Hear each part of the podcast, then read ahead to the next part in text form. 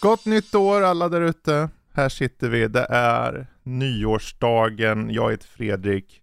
Med oss har vi både Jesper, Fygar och Danny. Och vi ska ha lite av ett specialavsnitt, tänker vi. Som det sista specialavsnittet innan Goti nästa vecka.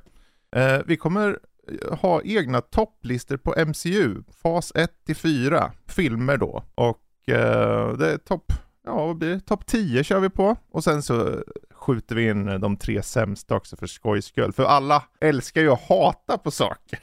I don't know. Någonting måste vi Är ha. Vi kan inte vara positiva hela tiden. Nej, det funkar Vi inte kan så. inte vara positiva hela tiden. Ehm, Nej, alltså- Inte hela tiden. Nej. Nej. Men eh, upplägget är ganska enkelt. Vi har uh, varsina topp 10 Vi kommer börja på våra individuella tior och sen går vi vidare till niorna, åttorna och så vidare. Eh, vi bara river av de första 10 till uh, 4 lite sådär från höften utan att gå in på varför vi har valt dem så. Eh, men sen när vi kommer in på 3 till 1 så kan vi väl kanske gå in lite mer på djupet. Så att, eh, ja, vi sätter igång helt enkelt. Mm. Eh, och vi kan väl börja med Danny, din tia. Min tia är Iron Man. Ja, original Iron Original Man. Iron Man. Ja. Mm. Jesper, Min 10 är original Avengers. original Avengers. Intressant. Ja, eh, Fygara. Min tia är Spider-Man Far From Home. Mhm. Intressant. Min tia är eh, Black Panther Wakanda Forever. Då, då hoppar vi tillbaka till norskis här då, nionde. Min nionde är Doctor Strange. Min nionde är Spider-Man Far From Home. Ja. Fygare. Eh, The Incredible Hulk. Det var intressant. det var väldigt, ja, väldigt få filmer eller så har du en väldigt annorlunda smak, men det är kul. Jag tycker om det. Jag har faktiskt också Doctor Strange på nionde. Vi hoppar tillbaka till eh, Danny på åttonde då. På åttonde plats har jag The Avengers. Oh, där kom den. Ja, Ja, Jesper. på eh, åttonde plats har jag eh, Spider-Man Homecoming. Mm, mm. Fygar. Doctor Strange Multiverse of Madness. Ja, vad roligt. Ja, Okej, jag har Captain America Civil War på åttonde plats. Ja, Dannys sjunde plats. Min sjunde plats är Thor. Eller sorry, eh, vi pratar ju amerikanska. Thor. Okej. Den första Mm. då. Mm, den första. Ja, Och Jesper. min sjunde är Iron Man 3. Ja, okej. Fygar. Eh, Spider-Man No Way Home. Yes. Min eh, sjunde plats är Black Panther. Sjätte plats Danny. Sjätte platsen så har vi det lilla udda gänget Guardians of the Galaxy. Mm. Eh, min sjätte plats är eh, Spider-Man No Way Home. Okej, ja. Eh. Och Fygar. Doctor Strange. Yes. Och eh, min sjätte plats är Guardians of the Galaxy också. Mm, där ser man. Ja, vi går tillbaka till dig Danny. Femte plats. Femte plats, Captain America, The First Avengers. Avenger. Okej, intressant. Min femte plats Jesper. är den första Ant-Man. Ännu intressantare. Uh, Fygar. Thor Ragnarok. Thor. Yes. Eh, min femte plats är Marvels The Avengers. Då hoppar vi till eh, fjärde plats Danny. Mm. Och där hamnar Captain America, The Winter Soldier. Mm, mm. Jesper. Och på eh, fjärde plats hamnar Black Panther Wakanda Forever. Okej, ja. Fygar. Avengers Endgame. Avengers Endgame. På min fjärde plats är Avengers Infinity War. Mm. Okej, men då så. Nu, vi, nu når vi ju topp tre här då. Så då, då är frågan Danny, okej men vad har du på tredje plats och varför just den filmen? Eh, på tredje plats har jag Captain America Civil War för att jag tyckte att den uh, skön, att du bryter upp lite grann från de andra filmerna, att nu får vi två sidor mot varandra men att problemet är att båda sidorna är goda, så det blir Mm, liksom mm. intrigen som blir däremellan. Vad är rätt för superhjältar? Jag tycker om den att det liksom, Mm. vi tror att vi ska få fortsätta som vi har gjort hittills. Okej, fine, ni tycker det, men att vi tycker att vi måste följa de direktiven som staten har satt på oss, att vi måste Mm. sköta om det på ett visst sätt. Jag tycker om liksom hu- hur det blir liksom en intrig, man ser hur de delar upp hjältegänget på två sidor. Precis. På vilka som Precis. står för vilka rättigheter de ska ha som superhjältar för att Mm. skydda världen mer eller mindre. Är det Team Stark eller Team Cap? Jag är team cap all the way. Ja, Okej, Jesper då. Jag har Eh, då- Vad har du på tredje plats och varför? jag har Avengers Infinity War eftersom att det är eh, lite av en, jag tycker att det är ja, bland de bättre Avengers-filmerna. Jag tyckte att Age of Ultron inte var sådär jättebra. Jag tycker att det är kul att de liksom racear stakes eller man ska säga mycket mer. Mhm. Liksom man, det är väldigt mycket som händer i den här filmen eh, på Ja. en ja, ganska koncist sätt ändå och det bygger upp mycket mot den eh, uppföljaren då, Avengers Endgame. Så ja, Precis. det är väl egentligen det. det Mhm. Absolut, så bra. Eh, ja, absolut. Uh, Fyga då? Jag har den första Iron Man på min tredje plats. Filmen som satt, Kul. filmen som satt igång Mm. hela MCU, vilket jag tycker gör den lite minnesvärd på ett sätt för att Mm. utan Iron Man så hade inte vi haft MCU idag egentligen. Mm. Plus att det alltid är en lite så här popcornrulle man kan sätta på i god tro. Man vet vad man får och Mm. det är precis vad det är. Absolut, absolut. Ehm, för mig är väl den tredje platsen är Captain America The Winter Soldier. Eh, jag tror det var på riktigt där som det visade att de kunde göra andra intryck med filmer. De, de behövde inte alla vara rena popcornrullar. De, kunde ha, de kunde ha ett streak av mörker i sig. De kunde vara en spionthriller. De kunde vara något annat. Sen att just intrigen är så, jag vet inte, så tydlig och så mörk och fin i den gör att jag, jag älskar den bara. Den har ju väldigt mycket också personlighet där, speciellt om mellan honom, mellan Captain America och Winter Soldier liksom. Det är väldigt, Precis. väldigt person... Och de säger This is personal.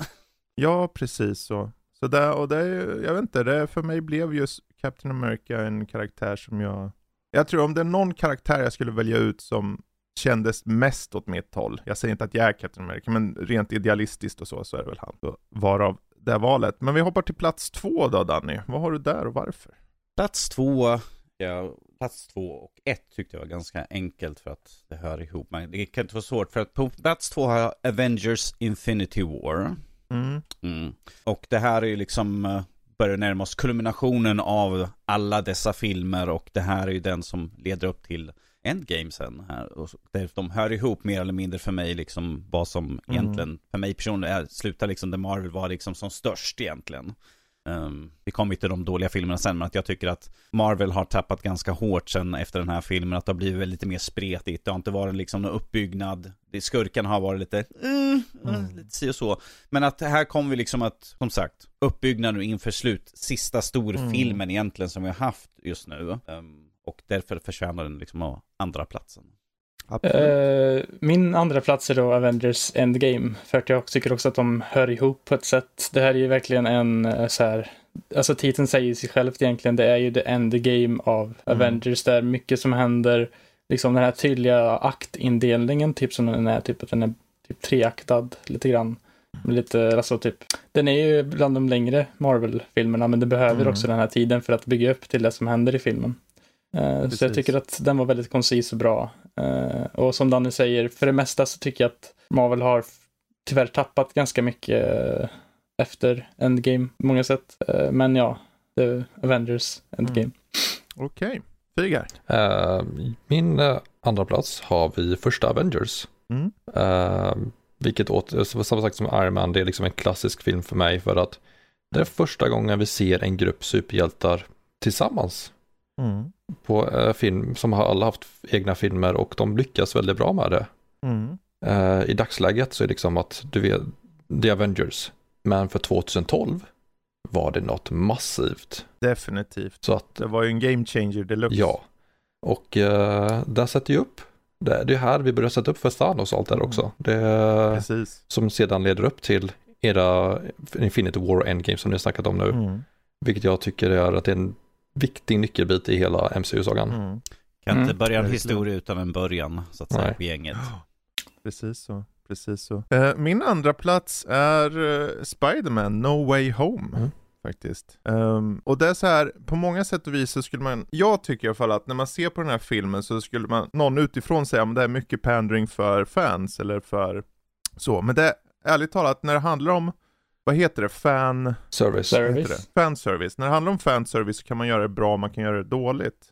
I det här fallet så är det den bästa möjliga lösning de har fått till. Det är inte bara en gripande berättelse, de, låka, de lyckas återanknyta berättelser och storylines från egentligen filmer som inte hör hemma i MCU. De gör det på ett fint sätt, men det, det är bara som grädden på moset. I grund och botten har du en liksom en ganska så här, en, en jobbig film på vissa sätt. Mhm. Liksom, hur hanterar vi att gå vidare för Spiderman? Hur väljer han att berätta eller inte berätta vissa saker mot slutet?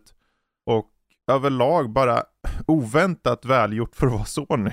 Mhm. Ehm, men det är just i kombination med MCU och med Marvel så att eh, just därför så föll den då på andra plats för mig. Så Danny, uppenbarligen, vad är då din första plats? Min första plats är Avengers Endgame såklart. Mm. Eh, För att här får vi nu den slutgiltiga striden mer eller mindre mellan gott och ont som vi har väntat på under, vad är det? Hur lång tid blev var det? Tio år eller? För uppbyggnaden Ja. av den här? Ja, Bara just den här sviten då. Mm. För förut, vi hade ju innan de eh, singelfilmerna för dem, men att det här var ju mer eller mindre 10, tror det till och med 11 år ifall du ska vara korrekt alltså. 11 år som vi väntade liksom på att det här skulle komma till ett crescendo mer eller mindre. Och här får vi liksom precis vad vi vill ha. En slutstrid med liksom skurkarna på ena sidan, en ensam Mm. hjälte på den andra sidan och sen är det Avengers Assemble och sen kommer hela faderullan liksom intrillande genom portaler liksom och det är alla man förväntar sig och ska vara där liksom. Det är liksom svårt att slå det här crescendot vi så, får liksom som är slutet på filmen egentligen. Och sen med Mm. Den slutgiltiga uppoffringen där av Tony Stark eh, i slutet liksom. Även fast det är liksom inte överlyckligt så får vi liksom en lite mörker underton men att med förhoppningar liksom om att det kan komma saker framöver som kan lyfta upp och liksom vara lika ljusa som han var mer eller mindre för gänget runt omkring. Även ifall han i slutet var liksom så att ni, ni sköter, gör ingenting rätt, vi har bråkat om liksom vilken sida vi står på, men till slutändan så är det liksom, jag offrar mig liksom för det goda skull. Liksom för Mm. mina vänner, Och för för, mänskligheten, för mänskligheten, liksom. för mina nära och kära som är här och strider, Mm. liksom offrar sina liv för det. Så Ja, det är jag- svårt att inte sätta den som topp Mm. ett. Mm. Yes, Ja, Figar. Jag älskar verkligen, eh, jag har sett en meme som kom i efterhand, eller jag vet inte vad jag kan kalla meme, men eh, i första, det är sån uh, återspegling av vad deras konversationer första Avengers. Everything special about you came out of a bottle. Han kan sköta Mjolnir. Uh, you, you're not a guy that would crawl under the uh, fence, eller liksom du skulle inte lägga det på tråden och låta de andra krypa över. Mm. Han offrar sig. Det, jag tycker att det, om man har det i åtanke, då är det en mycket tydligare uh, säga, En- emotionell en, resa. En väldigt tydlig ark liksom för alla karaktärer Mm. där egentligen Mm. också ju så. B- Börja, väldigt tydligt början, slut och mitten ändå. På det att börjar på ett sätt som leder upp till hur det slutar också. Mm. Tycker jag. På ett Precis. ganska bra sätt. Eh, min första kommer nog väldigt mycket som en surprise för typ alla. För att jag tror inte någon kommer tycka... Nej. Eh, och jag sa ju förut att eh, filmer efter Endgame kanske inte har varit jättebra. Men det finns ett undantag för mig. Och det är Shang-Chi. Jag tycker, att, jag tycker att den här filmen är, jag tyckte Mm. väldigt mycket om den. Inte för att det kanske är Mm. objektivt den bästa, men jag tycker att den var väldigt härlig. Det här med mer liksom fokus på en kung fu-aktig film. Liksom att de vågar göra någon helt annan liksom, liten genre Mm. i hur de presenterar filmen. Och jag tycker att den var väldigt fin, liksom, eller härligt gjord liksom med kung Mm. fu-fighterna och liksom det här kinesiska dynastistuket typ. Jag tycker att det är intressant och intressant worldbuilding med liksom det här eh, tio ringarna och det och allt sånt. Så Mm. jag tycker att det ska bli intressant att se vad de gör i framtiden med den här och ja, det var en ganska trevlig surprise tyckte jag den filmen. Så Shang-Chi är min, förs- eh, min första plats faktiskt. Mm, Jättekul, nice. jättekul. Figar. Eh, min första plats är Avengers Infinity War.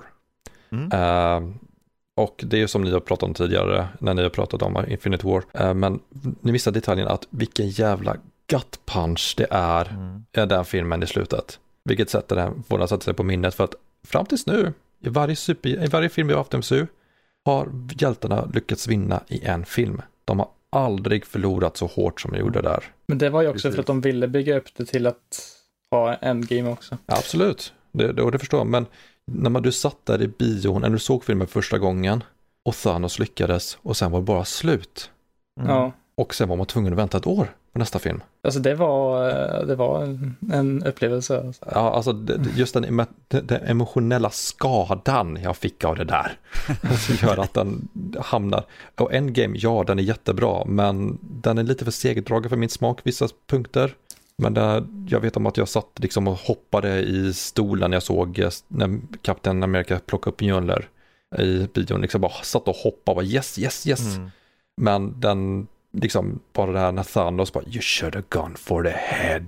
Och så knäpper med fingrarna man bara nej. Det är ju en ikonisk, alltså en ikonisk del av MCU av en anledning liksom. Det, Ja. Mm. det, jag tror inte det är många filmer, alltså superhjältefilmer som är en sån slags mainstream media ändå som vågar ta den här vändningen att sluta en film med liksom bara, ja, alla är döda, eller alla liksom typ Ja, men det, det har ju lite att göra med det ni pratade om förut också, att Winter Soldier och eh, Captain America Civil War, de vågar testa lite nya grejer. Mm. Och det, gjorde, det ledde ju till Infinity War att det lyckades så bra som det gjorde, att de har testat Precis. lite och faktiskt fortsatte med det. Jo, Så ja, that's my number one. jag måste erkänna då att jag faktiskt inte sett de två Captain America-filmerna, men vi blir väldigt sugna på att se dem nu. Har vi någon gaspmaskin? Ja, Alltså är, man hinner kanske inte se allt liksom, det är ju så. Eh, min min uh, etta är också Endgame. Um, I och med att jag drog i Infinity War så var det väl bara den kvar då. Och det är just för att det är ungefär som en No Way Home, att det finns någon form av fanservice. För när, när Captain America säger all, alltså just den biten när han lyfter Mjölnir och den fighten. Alltså jag hade hjärtklappning. Mhm. Det var så här, och sen det var bara sak på sak. Och det var så här, det är så förtjänat allting. Det där, allting som händer är så förtjänat och så, vi har, det är så här, folk väntar på saker, folk väntar på karaktärer skulle säga, han skulle säga Avengers Assemble i slutet på, jag kommer inte ihåg vilken, om det första Avengers, och de klipper när han säger Avengers, och så klipper de. Mm. Det var så här, och, det är ju bara en sak av mängder. Och just den här förlösande känslan med hur de lyckas vända på trots att saker och ting inte riktigt går som de har tänkt. Vissa karaktärer dör ju, Black Widow går ju bort och sen Gomorra typ dör ju. Uh, och sen så kommer en tidsreseversion tillbaka. Uh. men Iron Man framförallt. Uh, och just att bokända, för det är egentligen vad du avslutar här är ju, du avslutar ju Stark, du avslutar eh, Captain Americas berättelser för Mm. att bli av med dem. På något sätt. Eh, och för mig personligen, så hur de avslutar för Captain America, att han kunde föras tillbaka och vara där han var, Mm. tycker jag var så fint. Mhm. Alltså det var en väldigt välgjord, välkomponerad film också överlag. Att hur de la upp allting eh, och liksom hur de liksom speglade på och liksom tog in Mm. allt från tidigare filmer. Speciellt då Avengers-filmerna men även liksom Black Panther fick sin sista hurra, liksom Chadwick Boseman fick sin sista liksom, del. Det är väl just att filmen börjar så uppgiven och så liksom, det har gått fem år och hur ska vi lösa allt det här? Och hur, du som tittar tänker, men hur ska de få ihop det här? Det kommer inte gå bra. Och sen så får de ihop det och visst, på vissa sätt är det ju en cop-out. Ja men vad gör vi? Tidsresor? Ja men nu har vi sönder maskinen och kan inte göra tidsresor längre. Det är så här, finns det plot holes? Ja det finns plot holes. Det finns plot holes i alla de här Marvel-filmerna. Mhm. Men i grund och botten är det så här, det handlar om att du ska känna som publik mer än du ska kanske tänka för mycket. För om du tänker för mycket så, jag menar, de tidigare, det var mer smart in i de tidiga faserna skulle jag säga. Mer uttänkt, för då hade de, de behövde inte tänka framåt på det här sättet. Sen kom du in i fas 2 och 3 och då var det så här, varje film var bara en en transportsträcka och så här, ja men nu planterar vi saker för att ni ska veta vad som kommer, mer än att det var en film i sig, kändes det som ibland. Men här kunde de på något slut på riktigt avsluta Och saker. eh, då är det ju inte heller att de gör eh, planering då för framtida filmer, utan som till exempel eh, när de ska ta och eh, hämta stenarna och sånt där liksom. Loki fick, ju ta, Loki fick ju tag i en sten och då, vilket vi gjorde att vi då fick tv-serien. Mm. Eh, som liksom eh, snyggt liksom hade en övergång där liksom. Vi gjorde första scenen, liksom, vi gör om scenerna igen, Mm. börjar om det och sen får vi följa hans resa. Så att det var ju liksom att de gick ifrån Precis. filmerna till tv-serierna ganska smidigt däremellan och även fast Mm. tv-serien har varit liksom som en separat enhet egentligen så har ju fortfarande konsekvenserna från filmerna varit i tv-serierna. Och Så- konsekvenser från tv-serier, alltså tv-serierna har ju ändå en inflytande nu på filmerna, till exempel hur eh, i Doctor Strange, Multiverse of Madness, liksom med WandaVision spelar en stor roll liksom. Och eh, liksom även What If, liksom i Doctor Strange också där med eh, kvinnliga Captain America. Och, Mm. eh, så ja, det finns, alltså de har ju väldigt mycket att de knyter an sånt nu. Det känns som att mycket av det har med att göra med Disney, att de vill ha, de vill liksom pumpa ut så mycket som möjligt. När de vill pumpa ut så mycket liksom i sån takt så är det ju inte kanske, det kanske inte är så konstigt att allt kanske inte har den här kvaliteten som man kanske ser hos Endgame. Och liksom även det här med att Endgame ändå så var som liksom en sån övermäktig film. Jag vill även påpeka det att uh, jag tror många har lite, haft lite för höga förväntningar efter Endgame och förväntat sig Mm. Endgame Mm. med varje grej. Vi är inte, alltså vi är fas 4, ja, men det är tekniskt sett också fas 1 igen. Ja, vi är alltså, tillbaka det är till början för det är många nya karaktärer som kommer in. Visst kan de sköta de redan existerande karaktärer, filmer och serier bättre? Absolut. Men de nya grejerna tycker jag ändå har varit bra. Ja, alltså det, det har varit mycket vågspel med de nya, för där vi där många så här beklagas på att ja, men det är bara samma formula. Och sen fanns det de här som outliner, liars som vågar göra något nytt med genre och sånt tidigare som Winter Soldier och liknande. Men nu med fas 4, nu har ju den precis avslutats, men i och med den så har de egentligen med varje film försökt göra något nytt. Mm. Eh, vi hade Eternals, vi hade Shang-Chi, vi hade jag kommer inte ihåg alla. Vilka har vi mer Eh, släppt? Dr. Strange, Strange, Spider-Man. som gick åt lite skräck. Försökte vara lite Black Widow, skräckhåll. vi hade spion, thriller, Ja, mer eller just mindre det. ju där också. Ja, Black så. Widow också ja. Mm, och- Just det, Black Widow ja. Jo, men att alltså. Där har de försökt, men det är så här, då blir det också hit or miss. Så att publiken som tänker, men nu har jag haft den här kvaliteten hela tiden, varför fortsätter ni inte med det? Ja men vi måste, vi måste ploga lite för att hitta oss själva. För vi, det börjar precis som du säger Fygar, vi börjar om liksom. Ja, för att det, det, grejen är att Endgame var en sån pass kulmen av allt som hade hänt då. Mm.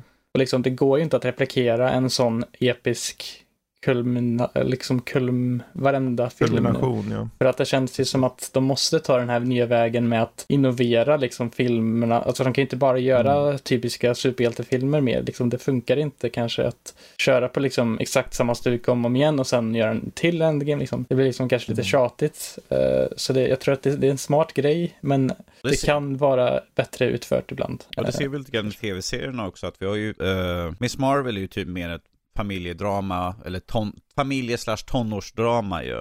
Mm. She-Hulk är ju liksom, eh, vi bryter fjärde väggen, En sitcom. sitcom, Sitcom, precis. ja. Och, eh, ja. Samma sak med WandaVision var ju, började ju intressant med de här blandningarna av de olika erorna, för att sen gå Mm. till mer eller mindre ett, liksom ett familjedrama där också, vilket fortsatt sen i Doctor Strange.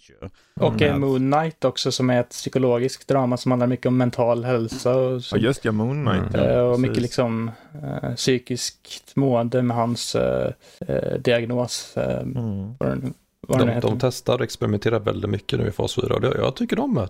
Men allting Mm. kan inte lyckas och vi ska inte heller förvänta oss att allting kan lyckas. Jag, jag, jag, tycker, jag tycker då det här är en perfekt övergång, saker som inte har lyckats, ifall vi kan hoppa in på Mm. vad, vi, vad våra Mhm. tre dåliga filmer från MCU är Precis. någonting. Ja, Precis. vi kör samma Eh, struktur igen, vi går runt eller? Ja, vi kör samma struktur igen. Vi tar den minst sämsta först. Ja, Eh, och eh, jag tänker vi kan väl börja med Danny. Du var bra på att börja med dig. Så din minst sämsta av de tre. Min är vadå? minst sämsta av de här tre skulle jag då säga är, eh, oh, jag har inte satt någon siffra på de här, men att jag, utav de här tre jag har valt skulle jag säga Iron Man 3 i så fall.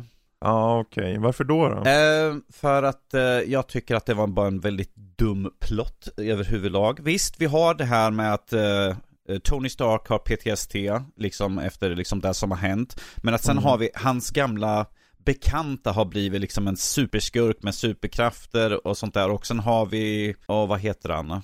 Men, det- men The, ma, eh, precis, The Mandarin. The, The Mandarin, Mandarin. liksom som en kopp, som en fake out liksom med lite alltihopa sådär. Man bara, och vi har han som egentligen är med att, äh, det var en film som var väldigt plottrig, det var väldigt mycket fram och tillbaka. Jag tyckte om Mm. de psykologiska bitarna liksom med Tony Stark och han liksom, hans mående och sånt där, att han är liksom att, det har gått lite för långt, att även fast han är en superhjälte nu inom situationstecken här nu, så är han fortfarande mänsklig och ett mänskligt psyke Mm. kan bara ta, vilket jag tycker är bra för att det är ett meddelande som visar liksom hur riktiga soldater kan påverkas och sånt. Så det tyckte jag var ett väldigt fin sak att de hade med där. Men jag tyckte att det var för mycket som gi- gick höger och vänster, det haschade förbi liksom massvis med saker och det var liksom ingenting som liksom fastnade för mig. Utan jag tyckte Mm. att den var en film som bara var en, vi, vi måste göra en till Iron Man, ja vi kommer på någonting, ja men här har vi, Mm. här har vi en idé, The Mandarin, han är populär liksom, um, liksom så att The Ten Rings, vilket vi har liksom senare i Shang-Chi som är de tar vidare därifrån. Men att det är fortfarande att plotter, plotter, plotter och filmen liksom lämnar inget bestående liksom minne liksom. Jag minns det bara som att eh, det var glödande människor som exploderade sen när de var skadade och Tony Stark mådde dåligt. Ja, ja, okej. Det är en liten pojke som är där och hjälper honom. Mm. Yes, det är fint där liksom att visa att han kan faktiskt connecta liksom till andra än liksom bara superhjältar liksom sådär. Men att överlag så var det en film som bara kom och försvann i mitt minne Mm. egentligen. Jo, alltså det var mest att jag hade med den för att jag var liksom nostalgi till den, att jag var liten då och inte visste så mycket bättre. men, eh, Jag var ung och dum, jag visste inte bättre. eh, men alltså, jag tyckte den var bra då. Men ja, vi kan gå över till min, eh, vad Yes. heter det, tredje. Och det är väl egentligen ingen film som är uppenbart jättedålig, den är bara lite så här meh. Och jag tyckte den var lite allmänt tråkig typ. Och det var eh, Black Widow. Jag tyckte Mm. inte det, alltså det hände inte så jättemycket intressant i den tycker jag. Det känns som att den var rätt så seg på något sätt. Även om den hade lite intressanta saker om Black Widows barndom och lite sådana saker som gav. Men jag tyckte att den överlag var väldigt, den kändes lite långsam på något sätt som inte riktigt passade liksom. Det, det var ju liksom Mm. spion-thriller såklart, men de hade kunnat göra det på ett lite Det är snyggare en ganska menlös film. Det är väl känns som det, verkligen. den. Det Det, är känns- som att den behövs inte och Nej. den ger ingenting och den hade inga stakes. Det enda skälet kändes det som att den fanns var för att de skulle introducera en ny Black Widow i hennes syster. Ja, precis. Det Det, är det, är typ den den enda det grejen som. med Men- den. Alltså, det känns som att den helt, den bara fanns där för att det fanns där. Men Ja. som sagt, det är ingen jättedålig film, men jag tycker att den är, ja, precis som du säger, lite onödig egentligen. Mm. Okej, Fygar, din minst sämsta. Eh, jag har ingen ordning på de här, men vi kan fortsätta med Black Widow-spåret för att Ja. jag vill komma med en grej. Om de, de släppte den vid helt fel tillfälle, enligt mig. Eh, Jo, vilket gör att den drar ner betyget för mig typ ganska fem, rejält. tio år för sen, mer eller mindre. Nej men så att om de hade släppt den mellan Infinity War och Endgame, Det är rätt Mm. bra. Mm. innan, vi, innan hon dog. Ja, jo, det är den grejen ja. Var det inte då eller var det inte då det utspelade sig eller var det? Jag tror det var Nu, jag har bara sett den en gång och som märker så sätter sig sig inte på minnet. Nej, alltså jag kommer inte ihåg. Jag, det, alltså jag har tagit med den för jag, Ja, den är väl efter. Civil War, är det inte Ja, det? Kanske ja. Ja men någonstans. Alltså. Det är ju inte, det är inte efter Snap. Ja. Nej, men liksom om de bara hade haft den vet, an, innan hon gick bort. Mm. För jag har en kompis som beklagar sig över det att liksom, det fanns ju inga stakes, vi vet om att hon överlever. Vad Precis. är grejen? Så det, De ska introducera en ny karaktär. Ja, det är filler-film. grejen. Ja. och jag tycker att hade de gjort det mellan en Infinite War Endgame, Mm. det hade varit mycket mer passande. Vi hade kom, fortfarande så pass färskt att vi hade kommit ihåg den nya karaktären till Precis. senare. Eh, Så det är det som drar ner den i botten för mig just Mm. för tajmingen. Okej. Ja, för mig så är den tredje sämsta Avengers Age of Ultron. Mm. Det är någonting så väldigt pajigt över den här filmen i det att de försöker få ihop så många element när hela filmen är bara en stor jävla fet transportsträcka till att komma vidare till nästa Avengers känns det som. Ehm, och sen har vi massa Joss Whedon äckliga repliker, de ska bara fåna till det konstant. Eh, Det funkade i första Avengers på ett sätt som var lite lightning in a bottle så här känns det som i efterhand. Men för mig så blir det Age of Ultron i alla fall. Mm. Så Danny då, nummer två. Nummer två så kommer jag slänga eh, ett, ett helt gäng här nu över en kam här och det är Eternals. Mm. Eternals var en film som jag tyckte kunde ha potential. Vi har en stor cast, massa intressanta karaktärer, men det kändes som att det hade behövt delas ut i två eller tre filmer till. Mm. För att det är så mycket de har att berätta. Vi ser liksom från hela historiken av våran planet mer eller mindre när de kommer hit för grottgubbar och sånt. Det finns så mycket att berätta där.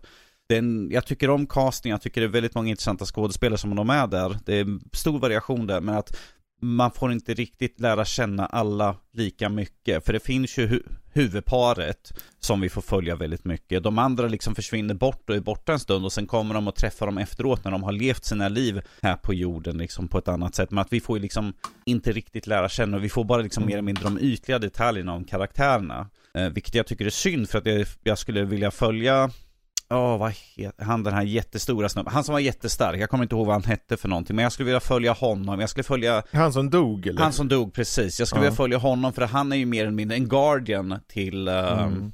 Angelina Jolies karaktär. Angelina Jolies karaktär. Så jag skulle vilja se den dynamiken skulle jag ha sett lite mer utav. För att han verkar Mm. vara den här stor, stark, tystlåten, försvararen mer eller mindre. Det är, de är liksom uppdelade i olika karaktärstyper så att säga. Men jag skulle tycka det var intressant att få lära känna lite mer. Uh, samma sak Mm. med han som kunde styra sinnen. Han försvann bort, tog med sig folket liksom. Vad, Mm. vad har han gjort under alla dessa år sådär? Man, det är så, vad är de, åtta stycken karaktärer. Ja, något sånt. Mm. Och vi får liksom tjäna två, tre kanske. Riktigt ordentligt sådär. Och det känns som att det är Precis. så mycket missad eh, chans att få lära känna. Det kunde, som sagt, två filmer minimum så hade vi kunnat Eller en fått lite mer. tv-serie. Eller en ännu Mm. bättre, en tv-serie. För då hade vi fått tid att liksom gå längre in. Sakta men säkert bygga upp den här liksom att, ja, kan vi lita på The Eternals liksom, varför ska vi gör, göra de här sakerna för? Bygga jag upp sakta men säkert liksom, så att det, blir en spänning. För nu var det liksom så här, ja men vi har kommit hit, vi ska liksom utveckla jorden. Ja men nu ska vi ta död på allting. Varför då? För att vi säger det. Okej. Ja, Det är liksom så snabbt överstökat liksom där mer eller mindre. Precis. Äh, det, visst det är en lång film, men att det är för kort tid för att liksom Ja, verkligen få den in är ju två och en halv timme typ. Ja, Ja. så det, ja, det är fortfarande för kort för att liksom Ja. få hela den här historien och liksom få alla känslor att hamna på rätt plats. Mm. Ja, Ja, jag hade tyckt om okej. en tv-serie där de hade gått igenom historien för dem. Liksom ett avsnitt för varje karaktär, vad de gjort sedan de Mm. splittrades. Mm. Och sen har filmen där vi är. Mm. Då Ja. har vi fått lite uppbyggnad och det behöver inte vara långa avsnitt, 25 minuter någonting. Kort och ja. gott liksom, bara en se liksom en, här är vad de har gjort. Precis. ja eh, vi kommer till mig då. Jag har exakt samma val. Eh, Eternals. Ja, Eh, jag kan säga jag har också Eternals på Jag min kan hand. säga det att jag, jag håller med dig där om att filmen hade, alltså worldbuildingen och sånt är väldigt cool. Den har väldigt mycket potential. Alltså Mm. karaktärer och sånt skulle kunna vara intressanta om de hade gjort det på ett annat sätt. Och det finns, och som du säger, alltså pacingen är väldigt off i den här filmen känner jag. Det känns som att eh, det typ inte händer någonting i vissa segment, utdraget, och man bryr sig inte om karaktärerna. Pacingen är ju helt off i den. Pacingen det är är, bara stora problemet. Eh, Men jag tror att det finns en eh, liten grej med det här och det är att eh, regissören till den här filmen, Chloe Zhao, eh, som hon heter, alltså hon har gjort jättebra filmer. Hon har gjort eh, en film som heter Nomadland som jag tycker väldigt mycket om. Men den har verkligen ingenting gemensamt med The Eternals, eh, eller Eternals att göra överhuvudtaget. Nej. Det är en helt annan typ av film.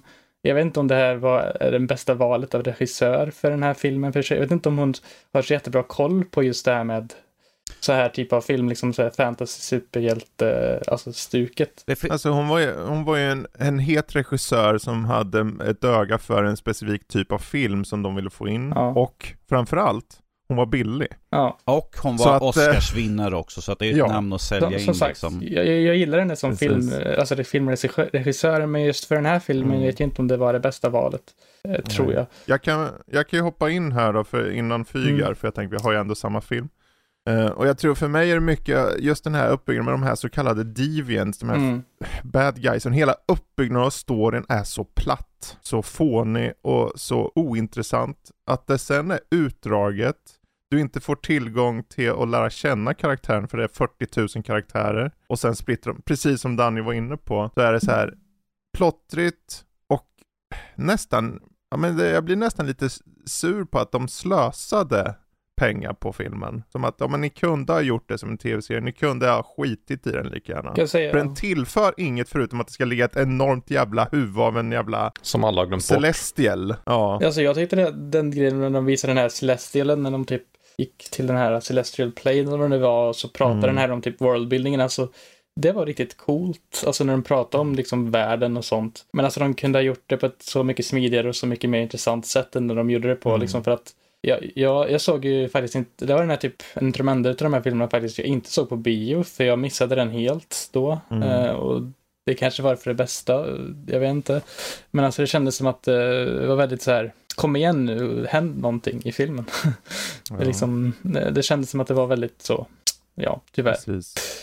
Ja, nej, det var platt och jag tror det är inte så mycket att en film inte kan låta ta sin tid med karaktär, alltså med, med eh, utseendemässiga, för hon var väldigt, hade väldigt fina shots och så. Och, hon, Hon är bra på Salma film, Hayeks eh. karaktär, Salma Hayeks karaktär som dog där tidigt, var så här en, okej, vem dödade den karaktären? Så här, det var, Mm. fanns lite mystik och lite intresse, intresse Jag där. gillade men det- början av filmen, för jag tyckte att i början av filmen tyckte jag att ändå det fanns lite coola saker, Mm. liksom när de stred mot de här monstren och lite sånt. Det där kanske kan bli något, men sen så bara hände typ ingenting och så bara, okej, var det... Och jag var ju mest så här, men okej, så de här har funnits här hela tiden. Varför har vi inte, vi borde ha Jo, hintat som det. Och jag förstår ju att då skulle det bli, då skulle de behövt göra någon efterkonstruktion. För det är klart att ingen visste om det för 5-10 år sedan. nej. Att de här skulle bli av. Men, eh, jag vet inte. Jag tror detta är Och vi kommer ju se av fler ett, av eh, den här typen av filmer som hoppar tillbaka. För fa- va- Fantastiska fyran, ska det vara nutid eller ska det vara på 60-talet när den kommer? Jag sen? tror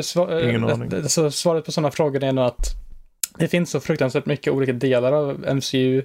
Alltså man Mm. måste ju kunna komma på nya saker i MCU utan att liksom, det kommer bli plot holes och saker som inte riktigt stämmer överens för att liksom, hur kan de annars producera så här mycket film liksom? Det, Det, det finns en enkel lösning på allting. Multiverse! ja, Mhm. alltså Och det är typ enda... Time travel. Time travel, multiverse. Vi kan Ja. Alltså egentligen... på. eh, Men vi, vi går vidare. Ja. Hoppa till Fygar, Fygar. din andra. Eh, yes, eh, jag har Iron Man 2. Mm. Eh, och Jag undrar vem som skulle ta den, för den är bra jävla usel alltså. Okej, jag, jag ska väl, jag har både Iron Man 2 och 3 i botten på min lista. Eh, Mm. Och det, liksom Iron Man 2, det är lite där, den känns plottrig. Den bygger upp för Avengers, men jag tycker att de slänger in lite för mycket annat runt omkring. Alltså Hammer och vi har Whiplash, eller vad heter. Ja, Whiplash är jävla usel. Eh, och det, det, det är en film jag, liksom, jag tänker att jag tappar lite motivationen att titta på när jag Mm. ser den. Mest för att jag har sett den några gånger, det räcker. Mm. Jag behöver inte se den igen. Precis. precis. Ja. Men då är ju frågan, Danny, vad är absolut sämst, tycker du? Absolut sämst enligt mig just nu utav de faser vi har fått just nu är Captain Marvel. Ja, okej, varför då? Captain Marvel är den deluxe när det gäller fillerfilm mellan Endgame och Infinity War. Eh, vi presenteras en karaktär som egentligen inte har så mycket att göra. Hon är i, i sista filmen flyger omkring lite granna, skär sönder ett skepp. I den här filmen tycker jag att hon är platt, hon är tråkig, jag har väldigt svårt att relatera till henne. Visst, hon ska ha tappat sitt minne och vi ska lära se hennes övergång, men att jag tycker att det inte är riktigt suveränt gjort. Eh, det är, jag tycker det är en dålig historia. Och sen tycker jag att de, eh, att de gör fåneri över hur Oh, Samuel Jacksons karaktär, hur han får såret, hur han får sitt öga liksom söndertrasat av en alien-katt som klöser honom och jag bara, really? Really? Ingen krigsskada eller någonting sånt där, och heroiskt liksom. Nej, nej, nej, det är en alien-katt som krafsar honom lite grann över ögat. Det var liksom en av de fjompigaste bitarna i hela filmen tyckte jag liksom sådär, men att jag har väldigt svårt, eftersom, speciellt när den kom mellan de här två absolut största storfilmerna jag har på mina listor, så var den här en filler deluxe och egentligen de sålde den för att den var emellan och alla sa liksom du måste se den för den har en stor impact på sista filmen. Hade ju inte det alls. Hon är med lite grann, pratar, flyger omkring lite grann men att hon är inte den som vinner över striden så att säga. Ehm, så att problemet är att det, det är en film som är onödig tycker jag egentligen. Vilket Mm. gör att den är dålig. Den skulle kunna vara intressant för Carol Danvers är en intressant karaktär. Hennes ark hon har i serietidningar är intressanta tycker jag men att hur de gjorde henne i filmversionen Mm. är tyvärr en väldigt dålig sådan. Mm. Ja, om vi kommer till min första då, och det är en film som faktiskt släpptes i år. Oh, Det är. For Love and Thunder. Och Okej. den är, alltså, anledningen till att jag tycker att den är så dålig är för att det känns som att verkligen inte tar sig själv seriöst en enda minut i filmen nästan. Det är bara konstanta skämt, eh, liksom. Var, var det här Konstant. också en stor bit? Ja, alltså det känns, ja. Alltså jag, jag bara satt där, vad håller de på med kände jag typ var min enda tanke under hela filmen typ. För det kändes som att, alltså det fanns ju lite så här grejer mot slutet där med hans, eh, hans tjej där ligger på sjukhuset och sånt och sådana saker som ändå var lite så här fint. Men alltså, alltså själva filmen överlag, det känns som att det bara var en till för att vara en slags fanservice eh, eh, när det kommer till skämt liksom. Det var väldigt mycket, Det är intressant, att- förlåt att jag avbryter, jag tycker det är intressant för jag kommer ihåg när, när du gick och såg den så skrev du ju på vår egna WhatsApp att du gav den typ 7 av 10 liksom. ja fast jag... Så nu har du ju gått ner till botten liksom. Jag har är det att du har ändrat sett om mig den och efterhand. förstått liksom? Ja, för att jag, alltså tyckte jag väl då, okej, den var väl lite så då. Men alltså, jag tänker bara efter och liksom tänker på den Mm. mer och mer så bara, nej, alltså den var, alltså, det var typ fem av tio för mig. Jag, jag, jag, har, jag har ett eh, förklaring till det. Biosyndromet. Ja.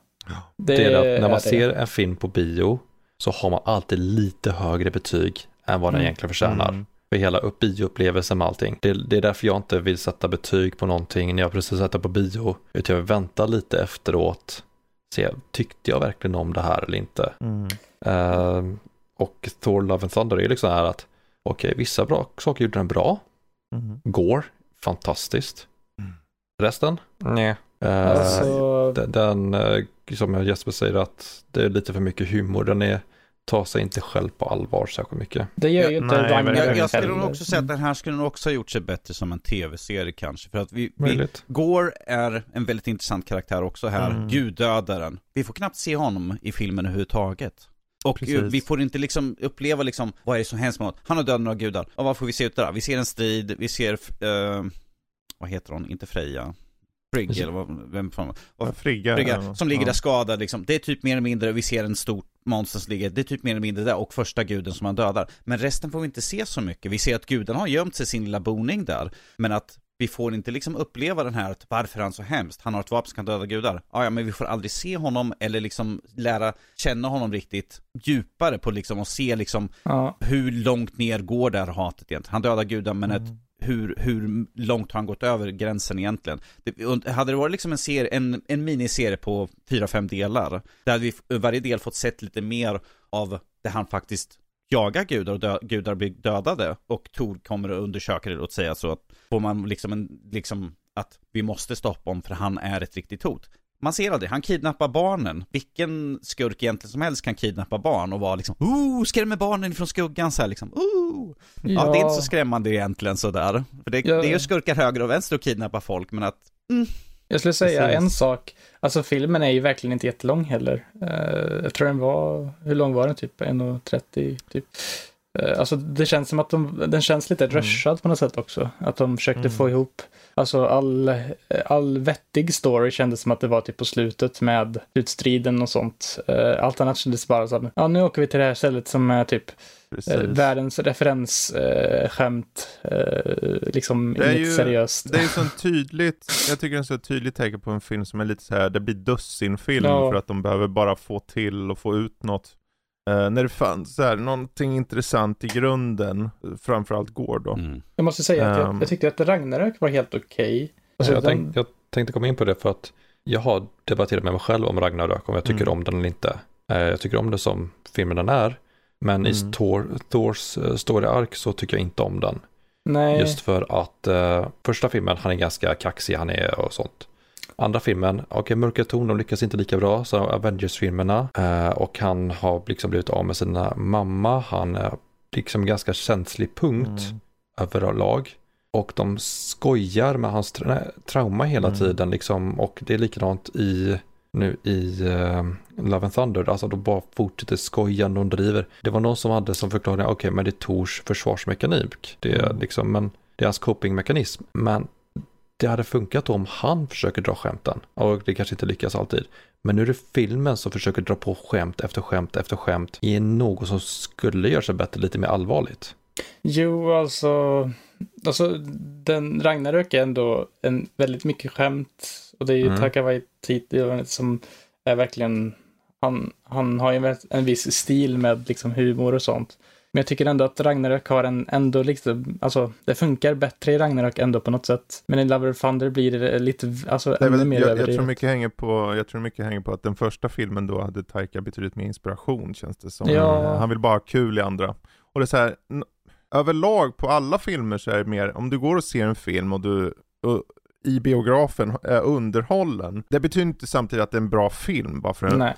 Du potentiellt är underhållen där och då. Mycket som du är inne på, då, att man får tänka efter, känna efter snarare efter ett tag då. Ehm, men jag tror så här, för mig, jag vet inte, vad hade du för film?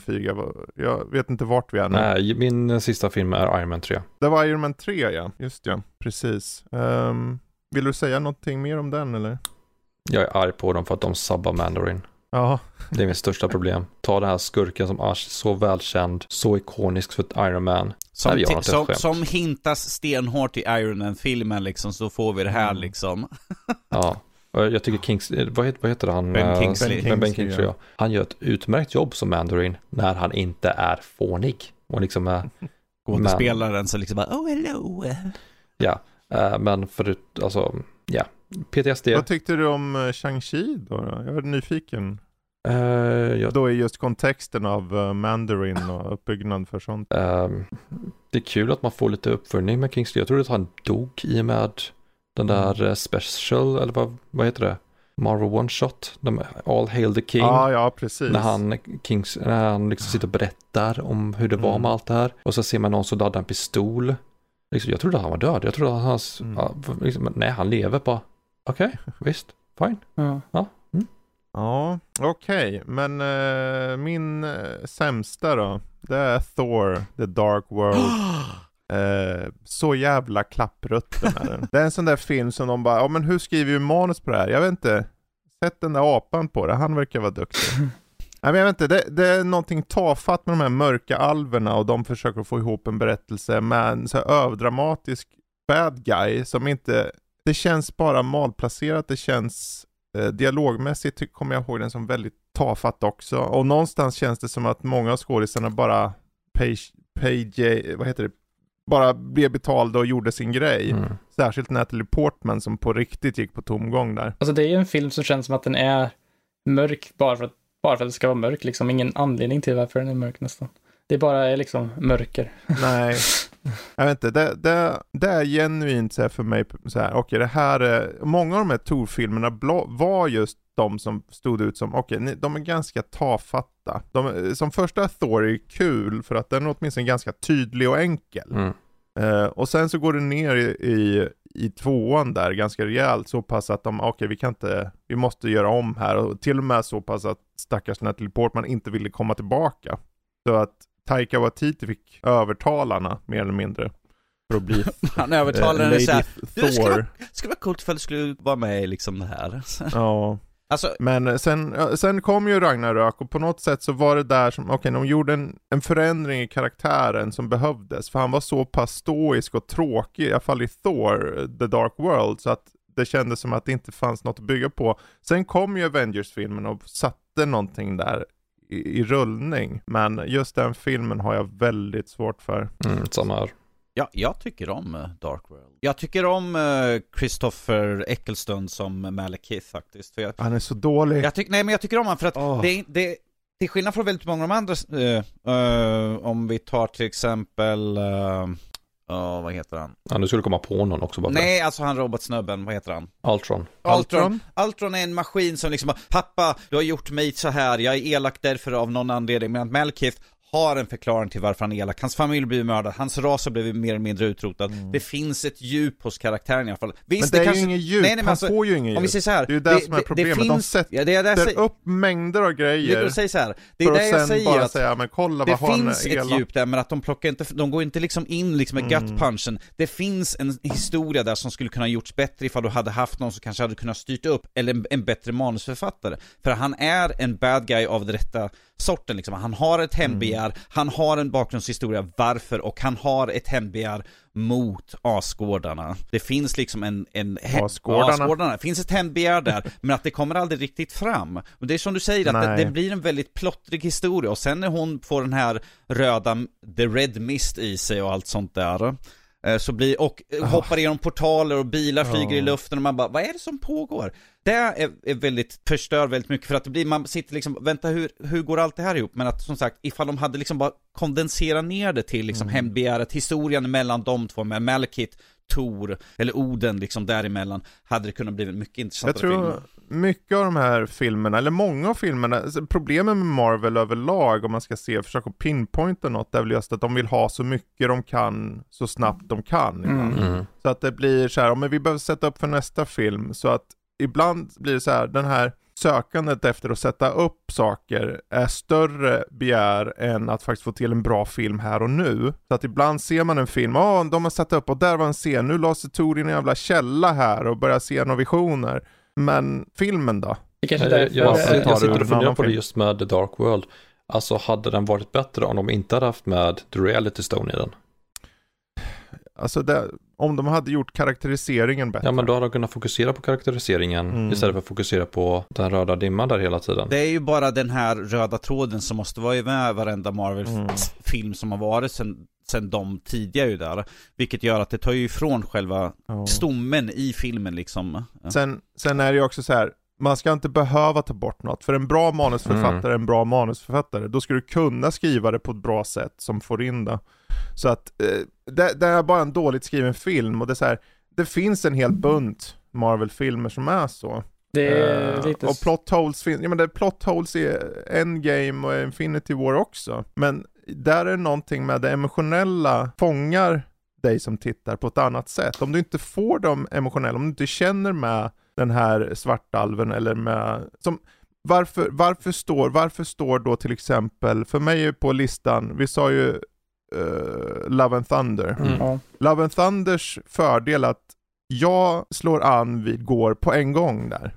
Och även om filmen är platt i övrigt egentligen och den är ta- tarvlig lite så, så bara för att de har det så har de fått mig lite mer. Men i, i Thor 2 så finns det inget, för han är platt och kall konstant och har inget mer driv än att jag hatar allt.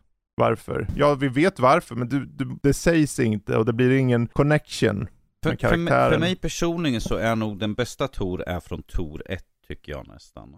Det är Shakespearean, det ska vara gudar, det ska vara lite granna eh, over the top på det sättet liksom. Here, here, give me a beer. Ah. Mm. Medan i de andra filmerna så är Tor liksom ett skämt mer eller mindre. Han skrattar, Ja. han skämtar, han, han blir fet, han blir smal, han har på sig rockkläder från 80-talet och liksom hela det där stuket. Spelar bara, Fortnite i Endgame. och spela Fortnite är en grej. Det är som att vi har liksom vänt från en liksom superseriös karaktär, han är liksom, jag måste hämta Loki, han är mitt ansvar, jag måste göra det som är rätt till liksom så här, vi dricker lite öl och spelar spel. Man bara, Mm. eh, han, Jag tror, jag tror mycket, det är en bra film första, men den är ganska basic i sin plott. Det är det är den. så här, han, han är arrogant och han ska bli ödmjuk. ja.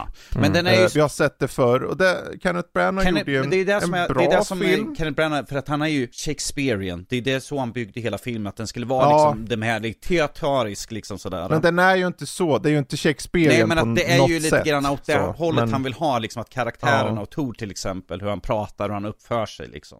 Precis. Jo, alltså jag tycker också att det första Tor är klart den bästa av dem faktiskt. För jag tycker att det, ja precis du säger, det känns som att de har en identitet med filmen. För, liksom. att, för att i de andra filmerna, Tor 2, 3 och den sista nu är liksom, Tor ska hitta sig själv igen. Varenda film ska han Mm. hitta sig själv. Vem är jag? Vad vill jag göra? Tor visste i första filmen vem han var, vad han ville göra för någonting. Han ville vara en god son, han ville bli en framtida ledare liksom, han ville ut och kriga liksom. Han visste vad han ville. I de andra filmerna, vad är jag? Jag åker ut i rymden och försöker hitta mig själv. Ja, well, to, to be fair, alltså hans mamma har dödats, hans pappa har dödats, hans bror har dödats flera gånger och hela Asgård, halva Asgård Ja, liksom. ja precis. Det, det är så här, i sin kontext så tycker jag att de senare filmerna, framförallt trean då Ragnarök, är en, för mig är den bästa. Mm. Men sen så är Tor, första Tor på andra plats, definitivt, för att den är väldigt tydlig i sin, eh, liksom, i hur den vill vara så att säga. Den vill vara den här tydliga liksom sonen som, som tror han är bäst. Men han är inte bäst, han behöver lära sig att veta hut. Det är en klassisk berättelse, Ja. vi har sett det så många Alltså, och det där, har, där, har vi, Tor-berättelsen. där har vi också igen Första filmen, han måste hitta sig själv. Han har blivit utkastad, han måste liksom se att han är värdig, vilket han gör i den filmen. Och sen ja, men resten är liksom, skillnaden, är, skillnaden är att där, i de senare så är han ju medveten om att han behöver finna sig själv. I första är bara en arrogant, skit, tull. skitunge. Mhm. han är en brat. En och det är så att han, han vill inte finna sig själv, för han bryr sig inte. Det är bara att det måste ske så. Ehm, och det är ett bra förlopp, men det är ett förlopp som så här, ja, lite cookie cutter så. Mm. Men en bra film, men eh, det är många bra filmer och så här, jag tänker att vi tar nu för att avsluta det här lite, tänker vi ska bara backa ett par steg och kolla då fas 1 till 4 sin helhet. Det är ju många som säger så här, men Marvel de släpper ju filmer som det är tv-serier och då ska ni säga, okej det är 200 miljons klass tv-serier här alltså per film. Det är inte många som klarar det. Eh, vad, vad känner ni om just helheten? Är ni imponerade eller inte? Eller vad tycker ni egentligen? Alltså jag skulle inte säga att jag är imponerad tekniskt sett, men jag skulle ändå säga att eh, Alltså för mig är det typ det rättaste att säga typ hit or miss. När det kommer till Marvel för mig personligen. Antingen tycker jag att det kan vara riktigt bra, liksom jag kan vara väldigt underhållen. Till exempel det, Miss Marvel nu som var i år tyckte jag var riktigt Mm. bra underhållande eh, serie. Och sen så kommer det typ serier som She-Hulk som är bara, vad är det jag kollar på? Det här är Mm. skit typ. Och så Lo- Love and Thunder då liksom. Och så Endgame och Shang-Chi som jag tyckte väldigt mycket om. Så det är verkligen så här, ja, det är lite som en gamble, eller man ska säga. Om det Jag bra tänker alltså frågan då, vad, MCU som koncept, Alltså koncept. inte individuella Alltså jag tycker att, ja det är också lite hit or miss hur det funkar. För jag tycker att, jag tror att det kan bli, alltså det kan gå lite väl långt eh, ifall de inte väljer att typ gå på den vägen att alltså det är typ ett multiverse där inte allting är i samma timeline, eller man ska säga, att liksom de väljer att köra liksom att den här filmen har typ som ingenting med det här att göra, utan det är liksom en stand-alone, Mm. eh, den här karaktären. För det är liksom så lite så som DC håller på med just nu, men de verkar också att de vill gå över till liksom mer, bara nu det senaste, när James Gunn rapporterade, vad det var, att han ville få det till mer ett MCU-liknande stuk. Men jag tycker Mm. att det liksom, The Batman till exempel, Joker-filmen, liksom det finns så mycket stand-alone där, jag tycker att det kanske funkar bättre Alltså för att få en mer koncis och mer rättfram, rättfram film som man vet liksom vad den vill. För det känns ju precis som Mm. du säger där att alltså många filmer är transportsträckor bara för att de ska bygga upp till någonting större som typ bara blir en till transportsträcka till något större liksom. Det känns ju som att Mm. det finns så mycket alltså de måste ta hänsyn till i filmerna när det kommer till eh, att det ska vara en MCU liksom. Till skillnad från typ DCU där de kan vara lite mer standalone, fokusera på den storyn som berättas i filmen och kanske inte ska vara jättemycket kopplat till allt annat utan man liksom, man har en koncis och väl liksom en berättad story i filmen liksom jämfört med Mm. många av Marvels filmer. Även om många, ibland kan det bli bra som till exempel när de byggde upp till just Endgame. Okej, jag vill vara lite kontrast mot dig där nu. Ja. Eh, för att jag har förklarat för några, en av mina kompisar som nyligen började kolla på MCU, följa timelinen. Och det är att Marvel och MCU har lyckats med någonting som ingen annan ser och lyckats med förut. Skapa ett filmuniversum i den grad de har. Där du har alltså lyckats pumpa ut filmer i 14 år och nu även tv-serier. Mm. Kom, säg Ja. något annat, som, något annat filmuniversum som lyckas med det här. Inget. Precis. egentligen. Nej. Det är, ju- det är ju så, jag tror det är ju så här när man får distans till det, och för om man, om, så här, det fanns ju en tid innan MCU, när Marvel, en, en Marvel-rulle var så här, men det här kan vara skit, för att vi visste inte. Daredevil. Eh, men när MCU kom, så att ärligt talat, det är ju historiskt känner jag, hur de har lyckats få till det. Är alla filmer bra? Nej. Kan alla all- filmer, Alla liksom, filmer kan det- inte vara bra, alltså Nej. det är 14 år, men jag tycker att de håller en med en hög lägstanivå Ja. ändå. Um, Om man kollar- och det är här, jag, jag tror det kommer gå till historien, särskilt när vi då ser på distans då, i alla fall fas 1 till 3, när det avslutar med Endgame, så kommer det stå ut ändå som någonting som du kan sätta dig med och säga, kolla här har vi alltså en filmserie med så mycket budget, alltså ta bara alla filmer kombinerat, vad mycket pengar som har lagts på, hur mycket framgång och varför det är framgång. Det är för att det är konsekvent, du får följa karaktärer, det är liksom Thor 1 till 3, det är liksom Iron Man 1 till 3, det är Cap 1 till 3 och så vidare. Och det är tydliga arcs. Och att de arcsen fortsätter i Avengers-filmerna. Och att du alltid lyckas tillfredsställa folk, särskilt i Avengers-filmer överlag, är väldigt, det, det är helt sjukt. Helt sjukt. och det här nu egentligen, jag tycker det, det ska jag ge dem cred för det senaste. Inte tycker att alla filmerna har varit jättebra, alltså överlag, men att de här som vi pratade om förut, att de vågar ta eh, lite så här risker att, eh, vad heter det, gå in i lite nya genrer, liksom att till exempel Shang-Chi med lite kung fu-film, liksom lite gammal, Mm. ja sånt. Och sen även eh, typ Black Widow spionfilm, eh, Eternals mer fantasyfilm liksom. Eh, att de ändå, även om filmen, alltså resultatet kanske inte alltid blir det bästa, om man frågar mig, så är det ändå så här, ni vågar göra någonting som är ändå liksom, det kan leda upp till någonting som kanske blir, alltså det, alltså typ bättre sen när det mer liksom. Ja. Att det, Men man- man kan nog likna det lite med uh, Disney-klassiker och där, Ja. dess eror. Vi har The Golden Age, alltså med Snövit, Pinocchio och allt det där. Mm. Jag tror fas 1-3 kan nog räknas till MCUs Golden Age just nu. Mm. Och nu har vi en dipp här med fas 4 just för att folk har för höga förväntningar. Marvel testar lite nya grejer och vi vet inte riktigt vad vi får. Allting kan inte vara endgame, allting kommer inte vara endgame. Men Precis. jag tycker det är kul att de experimenterar, jag ser fram emot vad framtiden har. Alltså vad blir nästa saga efter Kang? Ja, och sen är det så här också, det är när vi får den distansen till den här fas 4 tror jag, alltså när fas 4 är i sin kontext med fas 5 och 6, när vi sitter efter sjätte, då kanske, det har, då kanske de står ut på ett annat sätt. Då Mm. kanske de får en dynamik som inte vet om än. Så att, Eh, och någonstans, de första Marvel-rullarna, de var så här, de var okej, men jag skulle inte säga som Incredible Hulk för mig personligen, det är en av de sämsta också. För att den var så här, att det finns tidiga exempel som var så här, okej, de försöker hitta sin ton, tonen känns lite off. Men man måste, man måste bryta mark för att komma vidare och hitta nya områden. Och jag tror de här fas 4 är precis exempel på det. Jag tycker det skulle bli det väldigt intressant, intressant intressant med de kommande, bland annat eh, Avengers-filmerna och eh, Secret Invasion-serien till exempel nu som Mm. kommer eh, nästa år. Hur de liksom, för jag, jag har inte läst de serietidningarna själv, men jag har hört att de arcsen ska vara lite intressanta i serietidningsform. Så det skulle bli intressant att se hur eh, de blir nu. Och Precis. liksom med Nick Fury där och hur hans story berättas där. Ja. Eh, Så jag tror, att det, jag tror att ändå det kan finnas en ganska ljus framtid ändå för det som komma skall nästa år med Ant-Man, eh, Quantumania också och Guardians of the Galaxy Volume 3.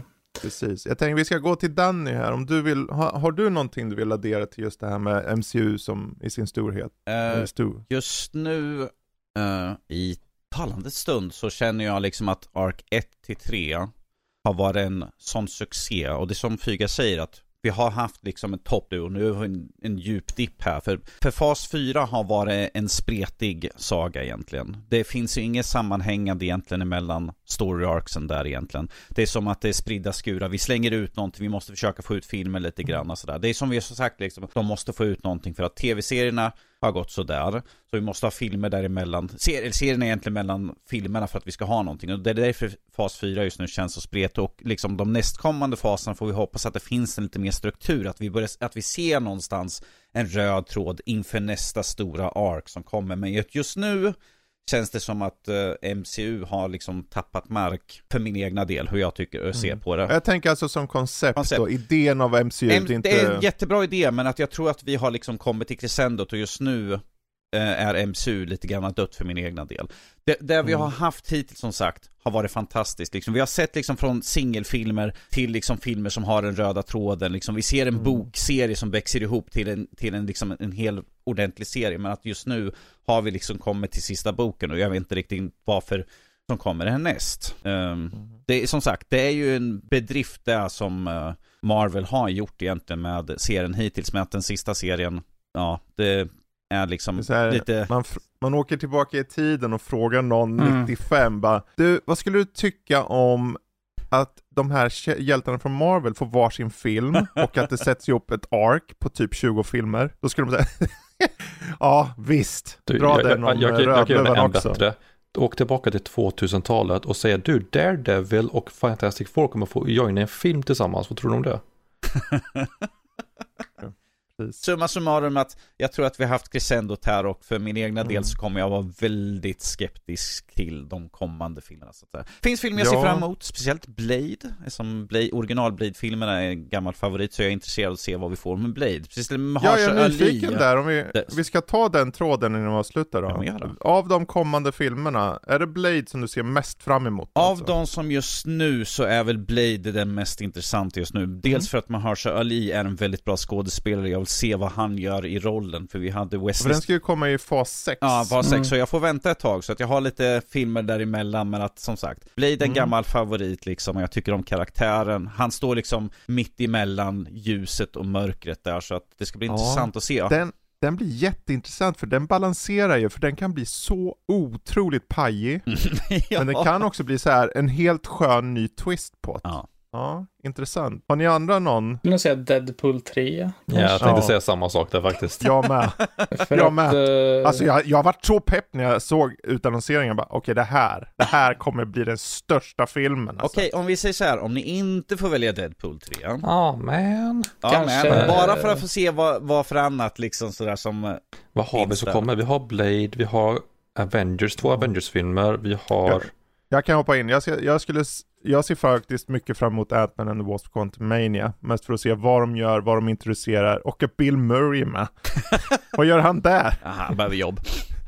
ja, Eh, jag vet inte, jag tycker det är en intressant eh, idé det här med att de hamnar i den här Quantumania-platsen liksom. ja, jag skulle Okej. nog säga kanske, kanske den också, för att det verkar som att jag, jag- alltså jag tycker att Ant-Man som karaktär har varit ganska bra, liksom att filmerna, även om jag tycker att första filmen är bättre än andra, så tycker jag ändå att eh, ja, de är ganska bra. Och sen det liksom att eh, ändå liksom den här nya dimensionen han hamnar i, vad, vad kommer det innebära för honom liksom? Uh, lite sånt. Men uh, förutom det så kanske jag skulle kunna säga typ, ja, Avengers-filmerna sen, se liksom Mm. hur kommer de hålla sig emot då Infinity War Endgame? För liksom Secret Wars och sen är det väl det Kang Den Dynasty? Kang Kang's Dynasty och sen är det Secret Wars. Ja, det är Kang först. Och sen Mm. Secret. Ja. Kang är Eh, först ja. Eh, För det är många teorier som går... 2025 och sen är det Secret Wars är 2026. Så. För, för det är många teorier som typ går att luta emot att det, liksom, det blir Kang-herravälde eh, efter typ Quantum Mania eller vad det nu var. Eh, eller Eh. efter eh, Guardians of the Galaxy kanske det var. Ja. Jag, jag vill ju eh, slänga till som bubblare för min egna del, Fantastiska Fyran såklart. Jag vill tänkte- se- jag vill tänkte in vill och säga se- den Jag vill faktiskt. se hur de introducerar dem i det MCU som vi har just nu. Kommer Mm. de göra en timeskip eller något sånt där? Kommer vi hoppa tillbaka, till, som du sa förut Fredrik, ska vi ha dem på 60-talet? Är det nutid? Vad har de för planer? Har de fastnat i eh, The Quantum Realm och de kommer komma som en liten uh, teaser nu i Quantum Mania kanske? kan få se en lång arm som sträcker sig över skärmen liksom och tar någonting sådär. Vi bara hmm, vänta nu. Jag, jag har mycket lätta, enkla anledningar till att jag börjar se den. Mhm. De kan inte göra den sämre än vad de har varit hittills. det går inte. Försöker säga att den förra inte var bra eller? Vilken förra? Jag, jag minns bara de från 2000-talet. Jag, men, jag, det finns ingen där efteråt. Ja, jo, jo. Alltså de, de första, de kunde jag, den första filmen, du vet den här från 2005 eller vad Mm. den är så här, alltså den, de är ju så töntiga egentligen. Ja, De är exakt så som de är i den filmen, det är bara att filmen är så här: okej, den är okej, jag tycker den är okej, den är inte urusel, men den är absolut inte bäst. den går att titta på. mhm. Ja, men det är så här, de som koncept är svåra att få till och det såg man ju i den, särskilt den här senaste, vad nu det var för någonting, Fantastic Four Stick. Mm. Att den, den var så här fruktansvärt usel alltså. Eh, så man blir ju rädd. Men MCU, Kevin Feige, vad kan de göra? Det blir jättespännande. De har väl lite att ta igen då, liksom. Och se Mm. att få tillbaka förtroendet från karaktärerna och sånt. Alltså det är, de, det är det jag hoppas, det är det jag väntar på att se egentligen efter att jag fick reda på att Disney köpte upp Fox. Fantastic Mm. Four och X-Men. Kom igen nu. Precis. Ja, men X-Men... Ja, och vi har ju fått ett par mutanter redan Mm. nu. Ehm, så att det är ju kul. Um, Men X-Men kanske har inte ju... de man hade väntat sig, men X-Men måste jag också erkänna, typ den senaste filmen, eh, Dark Phoenix, var ju en ren katastrof. Det är du och hela Ja. världen som tycker det. Ja. ja. Jag har inte sett platt. den ännu. Inte jag heller. Väldigt platt sådär. Det, jag vet inte. Jag fick se en förhandstitt, tror jag, dagen innan den släpptes eller någonting. Ja. Och jag såg liksom, alltså de har inte, alltså det, det är typ så här green, man ser typ green screen och grejer liksom. Så uh, dåliga är den. Alltså det är Ja, liksom, alltså- Mina favoriter på X-Men-filmerna, det är de två första. ja, Ja. Logan. Jag, jag älskar ju Logan, Logan, också. Ja, ja jo, den måste vara med där uppe. Men när man bara ja. pratar- ja, det är bra filmer. Mm. Det är bra filmer, det blir spännande att se. Men nu ska vi runda av. Ja. Allt, allt, jag, tror, Ehm. jag tror vi kan alla säga, liksom hålla med att vi är lite grann skeptimistiska men förhoppningsfulla för framtiden i alla fall. Sådär. Ja. Ja, det finns alltid hopp och i, slut, i slutändan handlar ju det här bara om underhållning. Men Mm. om du tittar på en film, någon av filmerna som vi tyckte var sämst och du tycker den är rolig att se på, så ha kul Ja, det är jättekul för Det är dig. bara underhållning liksom. Malekite, Malekite, Eh, kill här- Thor. Så här, man, man kan titta om det är allt från eh, Thor till Incredible Hulk eller eh, Eternals. Om ni gillar så gillar ni det.